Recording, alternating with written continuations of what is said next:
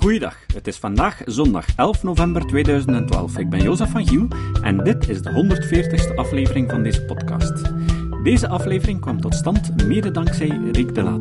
De muziek is van Nick Lucassen. Vandaag bespreken we de brug tussen twee culturen. Dit artikel verscheen oorspronkelijk in Skeptical Inquirer, volume 28, nummer 3, in juni 2004.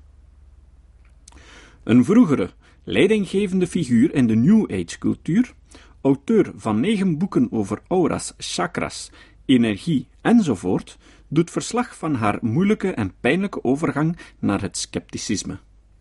Ze bedankt de sceptische beweging en zoekt naar de beste manier om de wetenschappelijke en kritische boodschap effectiever over te brengen naar haar vroegere New Age-collega's. Ik bestudeer het conflict tussen de sceptische gemeenschap en de metafysische New Age gemeenschap nu al enkele tientallen jaren en ik denk dat ik eindelijk uitgemaakt heb waar de centrale struikelsteen ligt die de communicatie tussen die twee culturen zo moeilijk maakt. Het is niet alleen, zoals velen veronderstellen, een conflict tussen op feiten of op geloof gebaseerde standpunten. Nog is het simpelweg een conflict tussen rationaliteit en goedgelovigheid. Nee, het is een lijnrechte botsing tussen culturen, die echte communicatie op zijn zachtst gezegd onwaarschijnlijk maakt. Ik weet dit uit eerste hand, omdat ik als voormalig lid van de New Age-cultuur jarenlang geworsteld heb om de taal, de regels, de attitudes en de verwachtingen van de sceptische cultuur te ontcijferen. Het heeft lang geduurd voor ik doorhad waar het in de sceptische cultuur eigenlijk om te doen was. Ik weet niet goed hoe mezelf te introduceren. Misschien met de parafrase: Ik heb de vijand gezien en het was ikzelf. Ik ben, of liever gezegd was, auteur en genezer in de metafysische cultuur. Ik schreef over energie en chakras, over auras, genezen en allerlei soorten psychische vaardigheden, en de hele ruttemetut. Ik heb alle staten in de VS afgereisd om mijn boeken te promoten en om seminaries en workshops te geven. Ik trad op bij alle New Age topgelegenheden, zoals het Omega Institute, Naropa University en de Whole Life Expo, die ik nu de Hell Life noem. Maar dat is een ander verhaal. Mijn boeken zijn in vijf talen vertaald en ik heb zelfs een titel in de One Spirit Boekclub. De metafysische, New Age gemeenschap en cultuur begrijpen was mijn levensdoel. Ik was niet alleen lid van de New Age gemeenschap, maar ik was ook een leverancier van alles wat de sceptische gemeenschap zo hoog zit. Ik heb me meer dan dertig jaar bezig gehouden met metafysica en New Age. Ik heb er vier boeken over geschreven en er vijf audiolessen over opgenomen. Ik werd gezien als een van de leidende figuren in deze materie. Ik hou me er niet langer mee bezig, maar het is bijna ondoenlijk helemaal van de scène te verdwijnen als er nog zoveel boeken en tapes van mijn hand circuleren. Het is ook moeilijk ermee op te houden als ik niet goed weet hoe ik het moet uitleggen aan de mensen van mijn cultuur. De culturele afgrond is zo diep dat wat ik ook zal zeggen een bewijs zal zijn voor het feit dat ik het andere kamp heb gekozen, het verkeerde kamp, dat van de vijand. In feite is het me duidelijk geworden dat de sceptische en kritische denkers een zeer pertinente en betekenisvolle boodschap te vertellen hebben. Ik heb nu voldoende sceptische en wetenschappelijke informatie over paranormale vermogens en gebeurtenissen om een groot aantal van de principes waarop mijn werk was gebaseerd in vraag te stellen. En, wat belangrijker is, ik heb nu voldoende inzicht om de echte kostprijs van New Age te snappen. Ik ben ook de verschillen en overeenkomsten tussen de twee culturen gaan begrijpen waardoor ik niet langer in een stereotype beledigende manier reageer, telkens wanneer de mensen die ik ken en bemin worden afgeschilderd als bedriegers, comedianten en gedupeerden. Ik begrijp nu dat deze termen meestal niet beledigend bedoeld zijn. Ik begrijp dat er dikwijls een grote bezorgdheid voor de mensen in de New Age cultuur achter schuil gaat. Het is vaak moeilijk om deze bezorgdheid te herkennen. Er is bijna een antropologisch inzicht voor nodig om begrip op te brengen voor de culturele verschillen. Maar ze is reëel. Voordat ik die bezorgdheid begreep, kon ik mezelf niet terugvinden in het sceptisch lexicon. Ik kon mezelf onmogelijk identificeren met de nietsontziende, gebakken luchtverkopers, de uit hun nek kletsende kwakzalvers, de nooit aan zichzelf twijfelende mediums, de langharige evangelisten of de megalomane Oosterse fakiers. Ik kon mijn werk of mezelf niet identificeren met het bedrog of de onevenwichtige personen die zo hevig worden aangepakt door de sceptische cultuur, omdat het nooit mijn bedoeling was om iemand te bedriegen. En hetzelfde geldt voor mijn collega's en vrienden. Ik hield me ermee bezig omdat ik een diepe, blijvende bezorgdheid koester voor mensen en vanuit een eerlijk verlangen om mezelf nuttig te maken in mijn cultuur. Toegang tot helder en precies voorgesteld sceptisch materiaal zou mij, en anderen in mijn geval, bij elke stap vooruit geholpen hebben.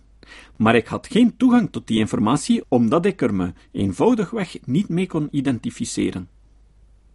Tot nu. Ik schrijf dit stuk als een bedankje aan de sceptische gemeenschap. Ik wil jullie bedanken omdat jullie mij geholpen hebben in te zien aan hoeveel foute training ik in mijn metafysische New Age cultuur heb blootgestaan. In feite is het niet langer mijn cultuur, maar laat ik haar eenvoudigheidshalve voor de duur van dit stuk zo noemen. Maar ik schrijf ook in een poging om een dialoog te openen en misschien wel een brug te slaan over de gapende kloof die tussen onze twee oorlogvoerende culturen bestaat. Omdat op dit ogenblik het merendeel van de mensen in mijn cultuur haast niets verneemt over de sceptische cultuur. En dat is een spijtige zaak. Dit culturele onderscheid maakt het bijna onmogelijk om in mijn cultuur eerlijk te zijn over de veranderingen die ik heb doorgemaakt. Mijn website meldt dat ik me voorlopig heb teruggetrokken. Ik heb alle workshops opgezegd, veel boekcontracten afgewezen en ik ben stilletjes aan mijn hele loopbaan aan het analyseren. Ik heb bestanden, e-mails en brieven, duizenden brieven opgeruimd, allemaal van mensen die mij als een expert ter zake beschouwden. Ik wijs alle verzoeken voor interviews en consultaties af en ik ga terug naar school om mijn graad in sociologie en gedragswetenschap te behalen.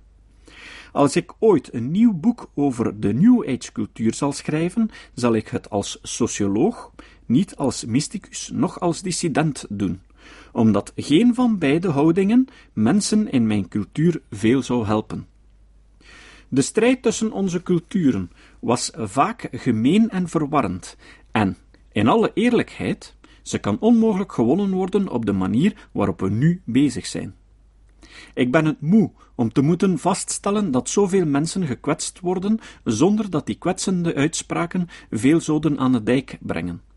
Dus ga ik proberen het op een andere manier aan te pakken en de schade die ik denk te hebben aangericht goed te maken. Maar eerst moet ik de juiste woorden zien te vinden om de mensen in mijn cultuur duidelijk te maken wat ik aan het doen ben en waarom. Mijn verhaal is echter geen typisch voorbeeld van een New Age adept die eindelijk het licht heeft gezien. Hoewel het ongewoon en misschien ongehoord is dat iemand in mijn positie een algehele omkeer doormaakt, denk ik toch dat het doorlopend proces nogal typisch was.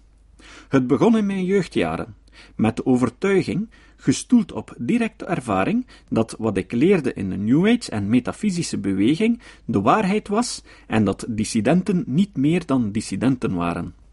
Na een tijdje begon ik me echter toch vragen te stellen bij zaken die niet in het plaatje pasten. De ongerijmdheden, de onwerkzame behandelingen, de ideeën die Kant nog wel raakten als je ze wat nauwkeurig bekeek, enzovoort. Ik schreef gepassioneerd over de moeilijkheden in mijn cultuur en ik werd er zelfs de stem van de rede. Maar spijtig genoeg botste ik, telkens als ik die dingen die me verwarden wilde onderzoeken, op een muur. Die muur, opgebouwd uit diepe culturele verschillen en decennia of eeuwen van wantrouwen, betekende dat ik binnen mijn cultuur niets kon vinden dat me nog kon helpen om kritisch te denken. Kritisch denken en scepticisme gedijen in een andere wereld dan de mijne. Ze gedijen aan de andere kant van een kloof waarover geen brug of veilige overtocht bestaat. Pas toen ik vertrouwd werd met het internet, was ik in staat om de kwellende reis over de kloof aan te vatten en aan de overkant vaste grond te vinden. Hoe kon een toegewijde, aura-dragende, chakra-meeslepende leidster van de New Age-beweging ertoe komen de sceptische cultuur te begrijpen en uiteindelijk in haar armen te sluiten? Het liep niet van een leien dakje. Laat ik dus beginnen bij het begin. Ik kwam voor het eerst in aanraking met de New Age-beweging in 1971. Ik was toen tien jaar. Mijn moeder had herhaalde aanvallen van artritische symptomen gehad, die niet goed reageerden op medische behandelingen en ze dreigde in een rolstoel te behandelen. Op een of andere manier kwam ze terecht in een cursus yoga en langzamerhand verbeterde haar toestand. Ze werd ook vegetariër, wat in die tijd zeer avant-garde was. En we werden regelmatige bezoekers van natuurwinkels, op zoek naar ongewone dingen als volkorenkoekjes, levertraan en bonenkiemen. Ons leven nam een drastische wending, vooral nadat Mams zelf yogalerares werd en zich meer in de metafysische New Age cultuur verdiepte. Yoga wordt wel eens de toegangstrug tot de New Age beweging genoemd. Voor ons was dat zeker zo. Onze familie viel uit elkaar door deze omwenteling, al was het huwelijk van mijn ouders altijd nogal stormachtig geweest. Doordat mijn vader een scepticus was en nog steeds is. Hij beschikt over een sterk intellect en een goede natuurlijke onderlegdheid in wetenschappelijke en kritische gedachtenprocessen. Een van mijn broers, die nu professor in wiskunde is, koos de kant van mijn vader, terwijl de andere kinderen, vier in totaal, meegingen in moeders interesse voor metafysica, spiritualiteit en New Age. Van conventionele geneeskunde schakelden we over naar homeopathie. We leerden mediteren en sloten ons aan bij groepen die contacten legden met overgegane personen. We werden ingewijden. Ik groeide op in de omgeving van de baai van San Francisco en volgde middelbaar onderwijs in St. Martin Country het epicentrum van de New Age-explosie van de jaren 70 en 80. Ik werd dus voortdurend omringd door ongewone mensen en ervaringen. Het was een leuke en dikwijls opwindende tijd, en hoewel ik de voorkeur gaf aan de magische wereld van mijn moeder boven de alledaagse wereld van mijn vader, bleef ik toch nog altijd pinter en sceptisch. Zelfs in mijn vroege tienerjaren doorzag ik twijfelachtige zaken zoals est Scientology, breatharianisme, urine drinken en de echt gevaarlijke praktijken. En toch hielpen dit scepticisme en intelligentie mij net om andere ongewone ervaringen, en ik had er vele, positief te evalueren.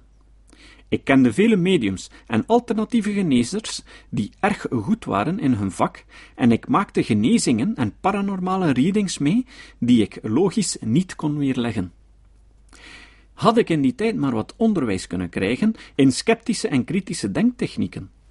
Maar dat kwam in mijn middelbare school niet aan bod. Ik wist niet eens dat er zoiets als kritisch denken bestond. Bij mijn verdere studies volgde ik geometrie en logica en miste zo opnieuw een kennismaking met dat onderwerp. In mijn opvoeding verwierf ik niet de vaardigheden die ik nodig had om juist in te schatten wat er gebeurde als de New Age en metafysische ideeën en technieken schenen te werken. Mijn empirische ervaring bewees de deugdelijkheid van zaken als paranormale vaardigheden, auras, chakras, contact met de doden, astrologie en dergelijke en ik had indertijd te weinig intellectuele bagage om te begrijpen wat er echt aan de hand was. Begrijpen hoe cold reading werkt, zou me daarbij al erg geholpen hebben. Ik heb nooit geweten wat het inhield. Pas toen ik de professionele goochelaar en debunker Mark Edward vorig jaar cold reading zag toepassen op een ABC News special, begreep ik dat ik in mijn eigen werk een vorm ervan had toegepast. Ik werd nooit onderwezen in cold reading en het was nooit mijn bedoeling om iemand erin te laten lopen. Ik had de techniek eenvoudigweg geabsorbeerd door culturele osmose. Om eerlijk te zijn, moet ik toegeven dat er tijdens mijn vroege tienerjaren al een sceptische beweging opgang maakte. Helaas veroorzaakte ze vooral een diepe afgrond die tot op de dag van vandaag onze culturen scheidt. In de jaren zeventig werd Uri Geller populair.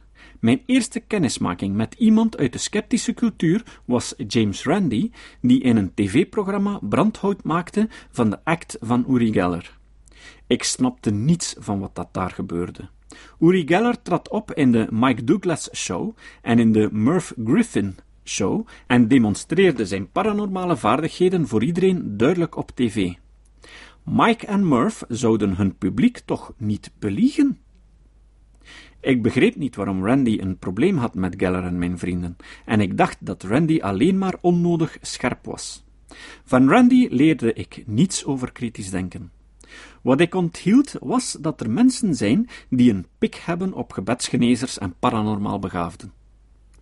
Ik weet dat hij dit niet graag zal horen, maar toch is het zo.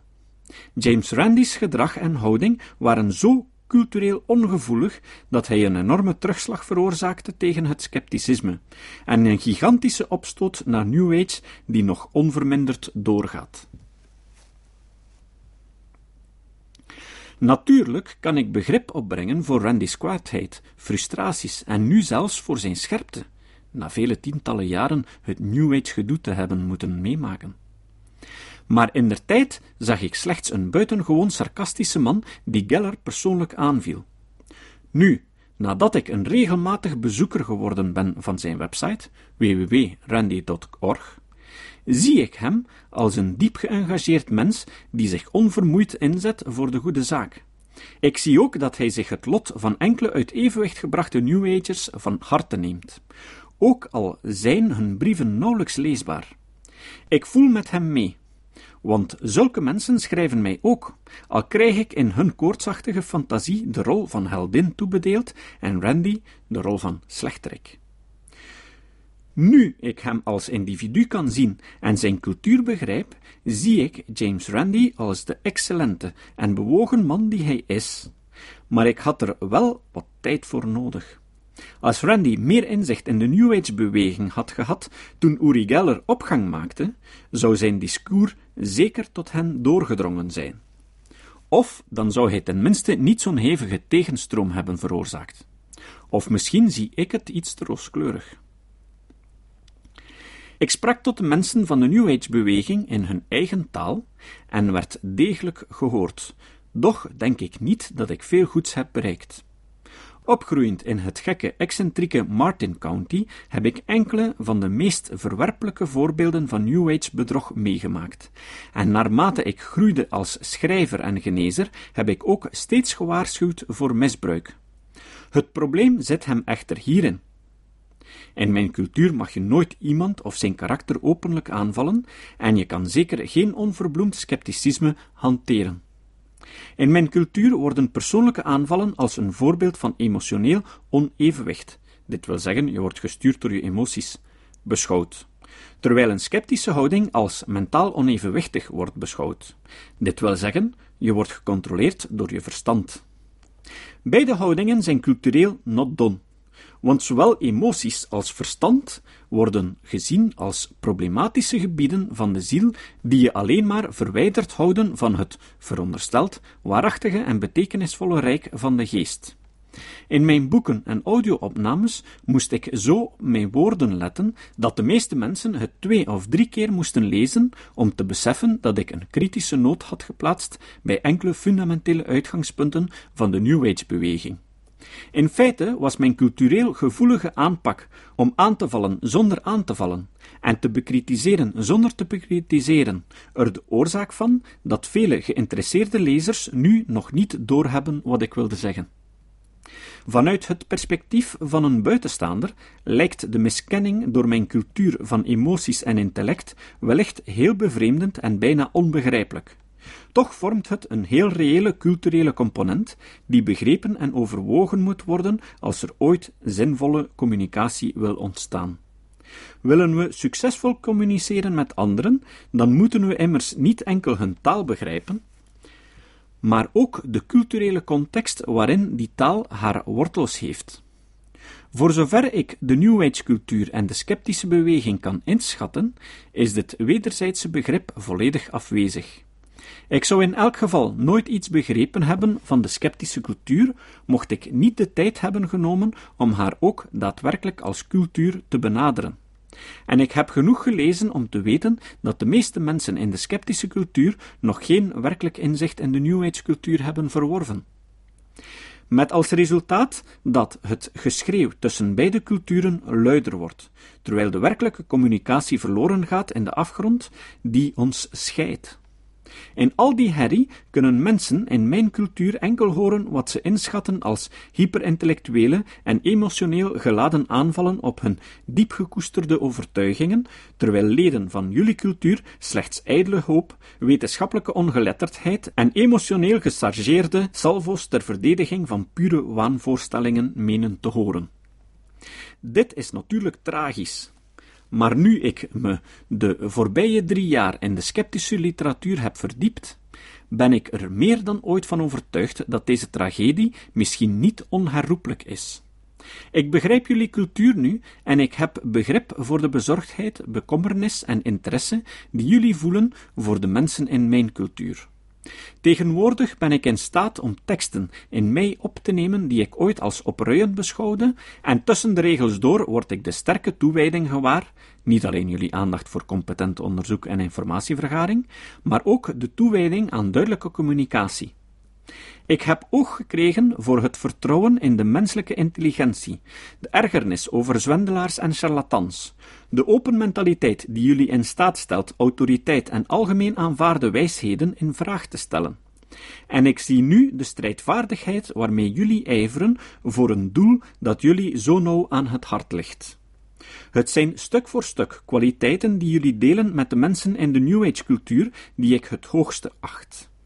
Ik ben ervan overtuigd dat mensen uit jullie cultuur in staat zijn een brug te slaan naar mijn cultuur op fijngevoelige manieren die een kans maken om gehoord te worden. Want het is broodnodig dat jullie gehoord worden. Er is dringend nood aan een manier om de mensen van mijn cultuur bij te staan in hun poging om het spervuur van informatie en desinformatie, waarmee ze dagelijks geconfronteerd worden, in vraag te stellen, te overdenken en kritisch te interpreteren. Maar de verstrekte informatie moet ook cultureel fijngevoelig zijn. De eerste keer dat ik Quackwatch, de sceptische website rond gezondheidszorg, bezocht, had ik bijvoorbeeld het verontrustende gevoel me op vijandig terrein te begeven. Kwak is een heel geladen woord. Het is een strijdwoord.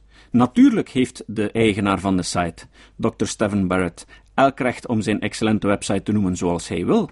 Maar toch vraag ik me af waarom de site bijvoorbeeld niet HealthWatch genoemd werd, of Health Info, DocFacts, of iets even onbedreigend. Waarom moet ik steeds opnieuw het woord kwak intikken om een sceptische visie te bekomen op de keuzes die ik maak in verband met gezondheidszorg? En waarom moet ik bij mijn bezoek aan sceptische sites zoveel tijd besteden aan het herhalen of gewoon overslaan van polemische woorden zoals zwendel, bedriegerij, kwak, fraude, dupe en dwaas? Waarom moet ik mezelf, als type voorbeeld van de persoon die echt nood heeft aan sceptische informatie, steeds omschreven zien in offensief jargon en waarom moet ik mijn hoofd buigen in schaamte telkens ik toegang wil krijgen tot de informatie in jullie cultuur? Ik heb zo mijn eigen redenen voor het stellen van mijn vragen. Aanvankelijk speelde ik immers met het idee om mijn eigen website op te bouwen tot een cultureel sensitieve portaalsite naar de sceptische websites.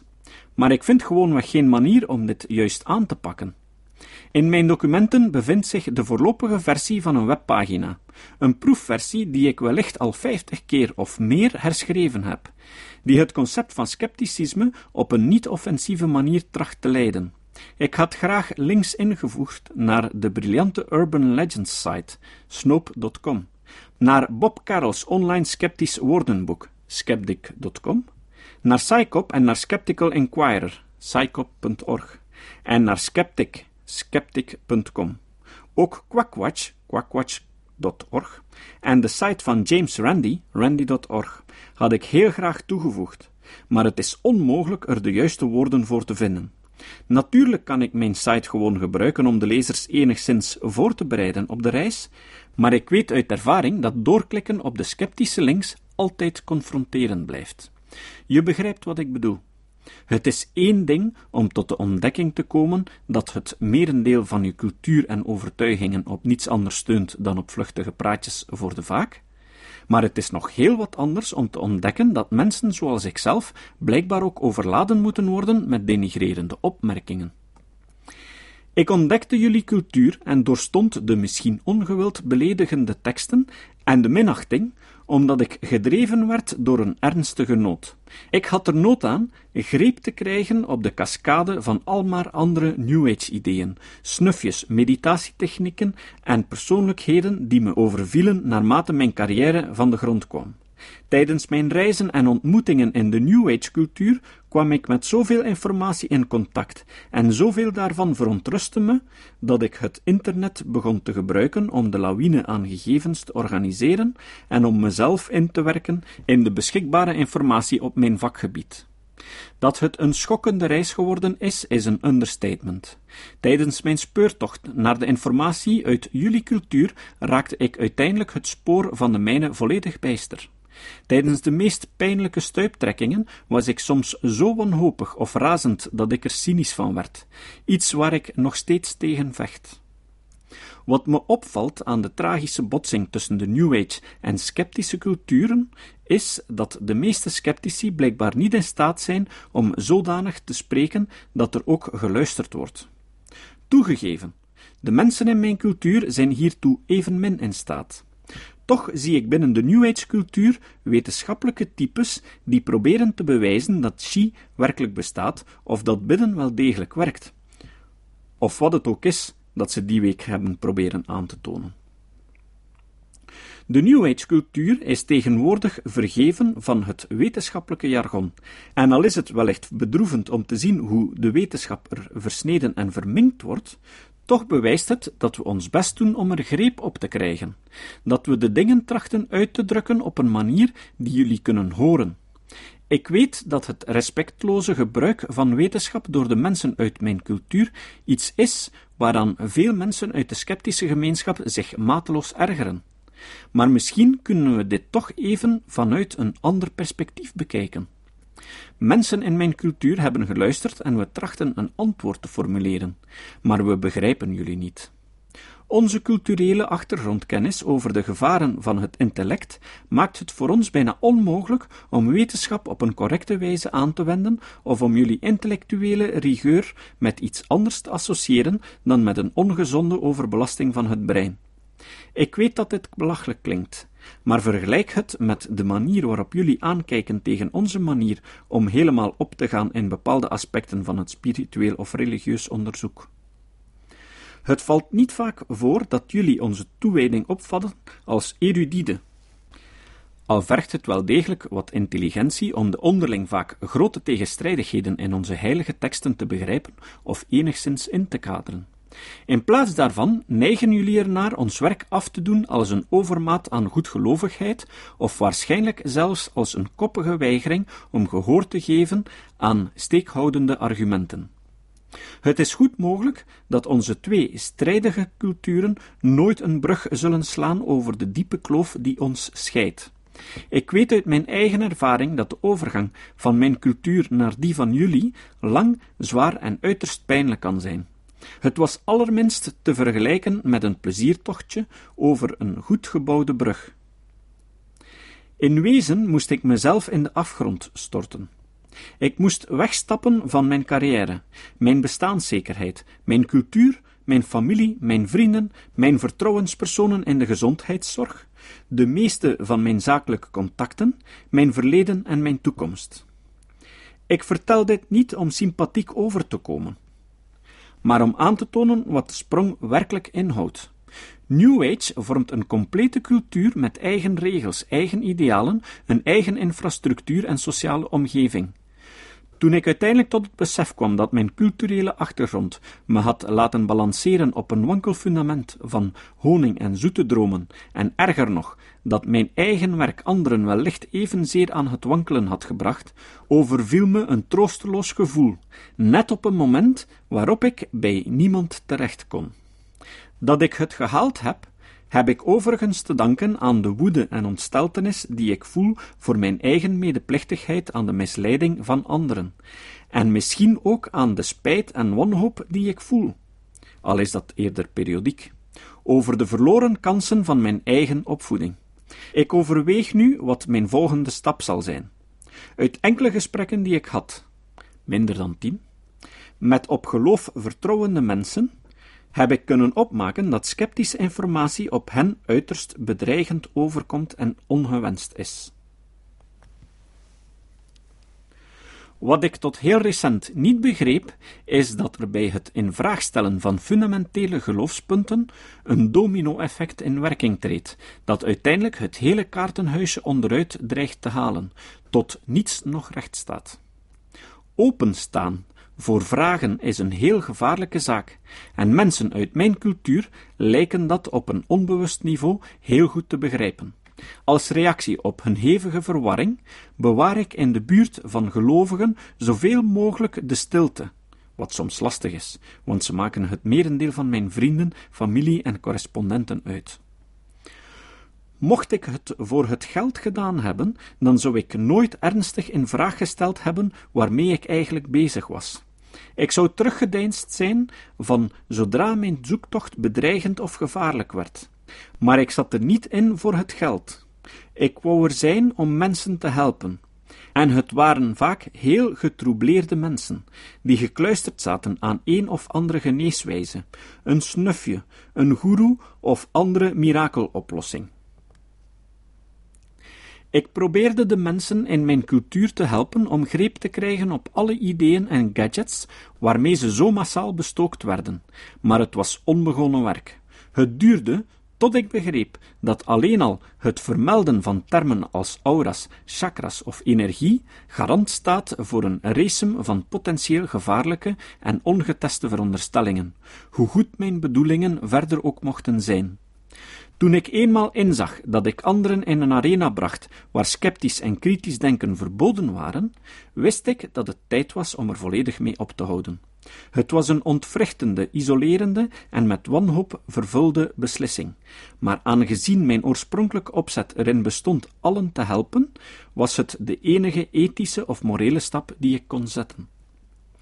Ik kan slechts deemoedig vragen dat ook jullie in de sceptische gemeenschap zouden overwegen om een gelijkaardig, zij het hopelijk niet zo ontnuchterende, gedachtensprong te maken in de manier waarop jullie ons benaderen. Na jaren van lezen en onderzoek begrijp ik nu dat de sceptische cultuur bestaat omwille van een heel reële bekommernis voor de welvaart en het welzijn van anderen. Ik kan nu heel overtuigd stellen dat van beide culturen de sceptische cultuur verreweg mijn voorkeur met zich meedraagt. Niettemin weet ik uit mijn eigen ervaring dat het sceptische standpunt niet gehoord of werkelijk begrepen kan worden in de cultuur van New Age en metafysica. Het klinkt er als vloeken in de kerk, en dat is jammer voor elk van ons. Het is doodjammer, omdat de zoektocht naar waarheid, de bekommernis om het welzijn van anderen, de behoefte om met respect behandeld te worden en het verlangen om je opgenomen te voelen in een cultuur stuk voor stuk dingen zijn die mensen uit onze cultuur delen met die van jullie. We hebben een verschillende taal en een andere achtergrond, maar we delen deze menselijke basisbehoeften. Ik wil jullie vragen om onze menselijkheid te respecteren en ons niet te benaderen alsof jullie hervormers of verlossers zijn. Ik wil jullie vragen ons te benaderen als medemensen die jullie bekommernis en interesse in het welzijn van de anderen delen. Ik wil jullie vragen om cultureel even intelligent te zijn als jullie wetenschappelijk intelligent zijn, en moeite doen om onze cultuur even onmiskenbaar te begrijpen als jullie de technieken, ideeën en modaliteiten begrijpen die eruit zijn voortgekomen. We vormen een gemeenschap, geen probleem.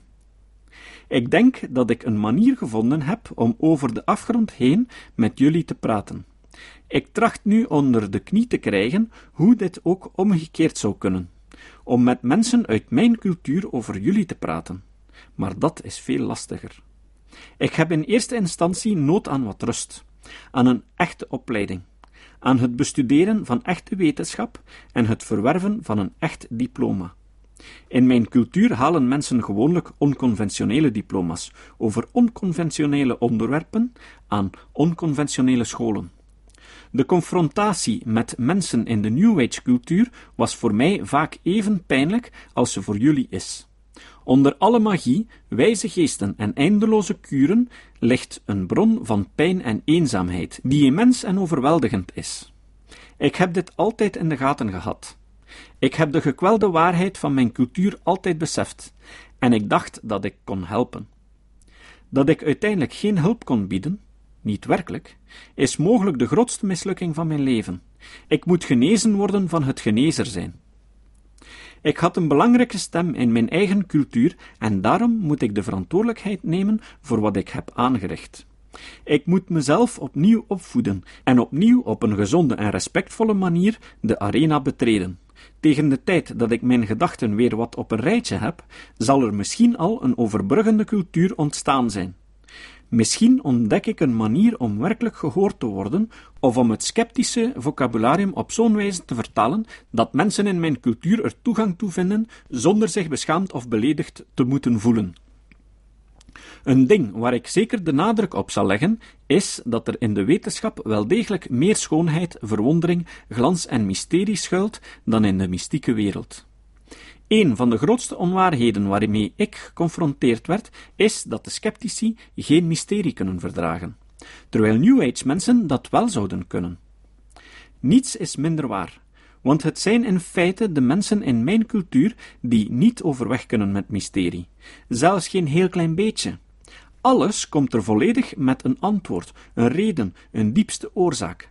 Elke daad, elke emotie, elk symptoom van ziekte, elke droom, elk toeval, elke geboorte en elk idee staan in direct verband met de sterren, chi, vroegere levens, voorvaderen, energievelden, interdimensionele wezens, enegrammen, devas, elfjes, spirituele gidsen, engelen, buitenaardse wezens, karma's, God of de godin. In de New Age cultuur houden we ervan te zeggen dat we het mysterie omarmen. Maar dat is cultureel bedrog en het is flagrant fout. In werkelijkheid voelen we geen tolerantie voor welk mysterie dan ook. Alles, van de kleinste individuele actie tot de grootste bewegingen in de ontwikkeling van de planeet, heeft een specifieke, metafysische en mystieke oorzaak. Ik ben van mening dat deze onmogelijkheid van mijn cultuur om met het mysterie om te gaan een direct resultaat is van haar miskenning van het intellect. Een van de meest afschrikwekkende dingen bij het aanleren van de vaardigheid om sceptisch en kritisch te denken, is dat zoveel dingen plots geen duidelijk antwoord meer hebben. Kritische en sceptische denkers hebben geen nood aan verzonnen antwoorden om hun angst te bezweren. Misschien vind ik een manier om in te spelen op de sterkste dorst naar antwoorden in mijn cultuur. Misschien kan ik de capaciteit van die mensen om met strijdige informatie om te gaan enigszins uitbuiten. Metafysische rages veranderen zowat om de zes maanden, dus ze zijn het wel gewend om hun mentale trein nu en dan op een ander spoor te zetten. Ik voel nu een soort vertrouwen dat ik vroeger niet had.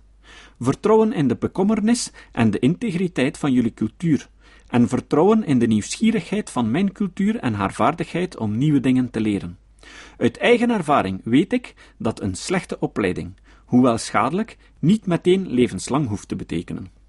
Ik heb nog veel werk en onderzoek voor de boeg, maar ik zie duidelijk kansen die ik voorheen niet zag. Ik wil jullie bedanken voor jullie werk en inspanningen, mensen als ik te behoeden voor gevaarlijke onzin. Jullie maken echt een verschil. Ik hoop dat ik dat op een dag ook zal doen. Carla McLaurin was 32 jaar lang lid van de metafysische New Age-beweging.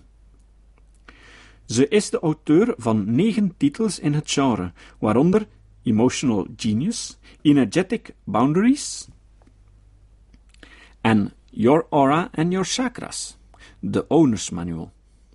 Momenteel bouwt ze haar carrière af en keert ze terug naar de echte schoolbanken om een echt diploma in de sociologie en de gedragswetenschappen te behalen.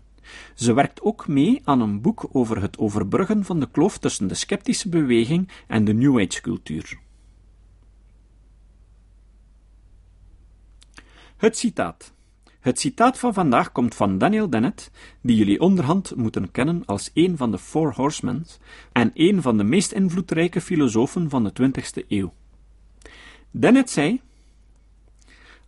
Als je er dieper over nadenkt, is er gewoonweg geen beleefde manier om te zeggen: Excuseer me, meneer of mevrouw, maar kan je de mogelijkheid in overweging nemen dat je je ganse leven verspilde aan een waanidee?